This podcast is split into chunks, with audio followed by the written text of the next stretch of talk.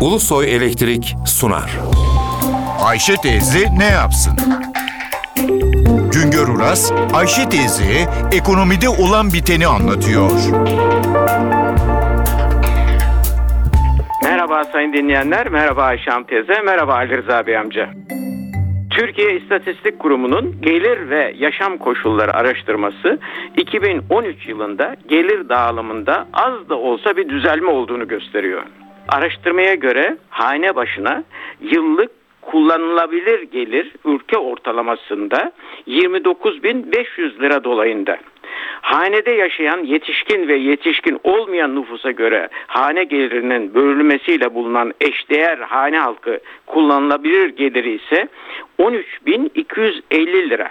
İstanbul'da hane halkı kullanılabilir geliri 18.248 lira iken Güneydoğu Anadolu'da bu rakam 6920 liraya iniyor. İşte buna da bölgesel gelir dağılımı çarpıklığı deniliyor. Türkiye nüfusu 75 milyon.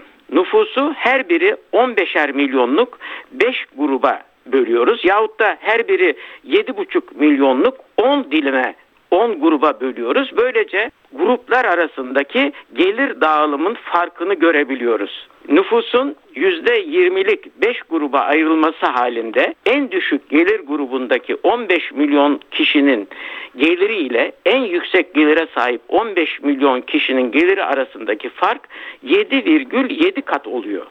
Bu fark 2012 yılında 7,9 kat idi. Demek ki 2013 yılında az da olsa gelir dağılımında bir düzelme olmuş. 2013 yılında en üst gelir grubundaki 15 milyon kişi 2012 yılındaki gibi gelirin gene de %46,46'sını paylaştı. En üst grubun gelirlerinde bir gerileme olmadı. Ama orta gelir grubundan alt gelir grubuna doğru bir kayma görüldü.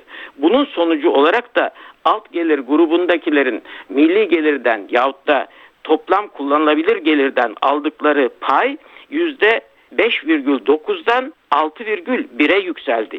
Buna bakarak da gelir dağılımında bir iyileşme oldu diyoruz. Önemli olan gösterge hane halkının kullanılabilir gelirinin %10'luk yani her biri 7,5 milyon kişiyi temsil eden nüfus arasındaki dağılımıdır. En üst gelir grubundaki 7,5 milyon nüfus 2013 yılında toplam gelirin %31,3'ünü aldı. En alttaki 7,5 milyon kişinin toplam gelirden aldıkları pay ise %2,3 dolayında.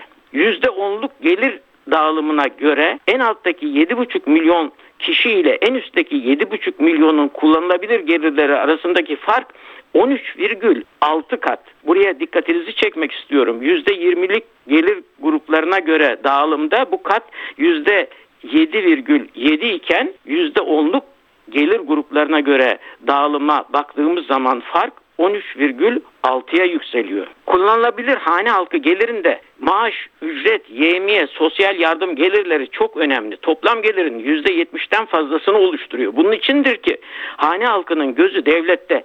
Devlet maaşı arttırır, harcamaların ucunu açar ise kullanılabilir gelir de artıyor.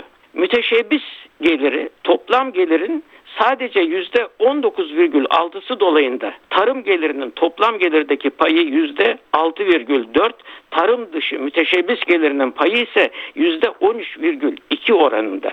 Türkiye İstatistik Kurumu'nun hane halkı araştırmasında hane halkına değişik sorular yöneltiliyor. Örneğin konut giderlerinin ne kadar yük getirdiği sorulduğunda verilen cevap çok yük getiriyor. Bunları söyleyenlerin oranı 2012 yılında %22,2 iken 2013 yılında %21'e gerilemiş. Ama borç ve taksit ödemede zorlandıklarını söyleyenlerin oranı %25,1'den %26,3'e yükselmiş. Son olarak iyi bir haber 100 hane halkının 60'ı kendilerine ait konutlarda oturuyor. Kötü haber ise 100 hane halkından 65'inin konut alımı ve konut masrafları dışında değişik nedenlerle borç yükü altına girmiş olması, taksit ödüyor olması.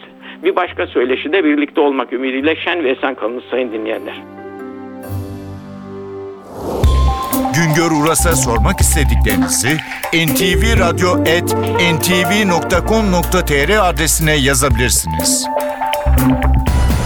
Ulusoy Elektrik, Profesör Doktor Güngör Uras da Ayşe teyze ne yapsını sundu. Ulusoy Elektrik, tüm enerjimiz enerjiniz için.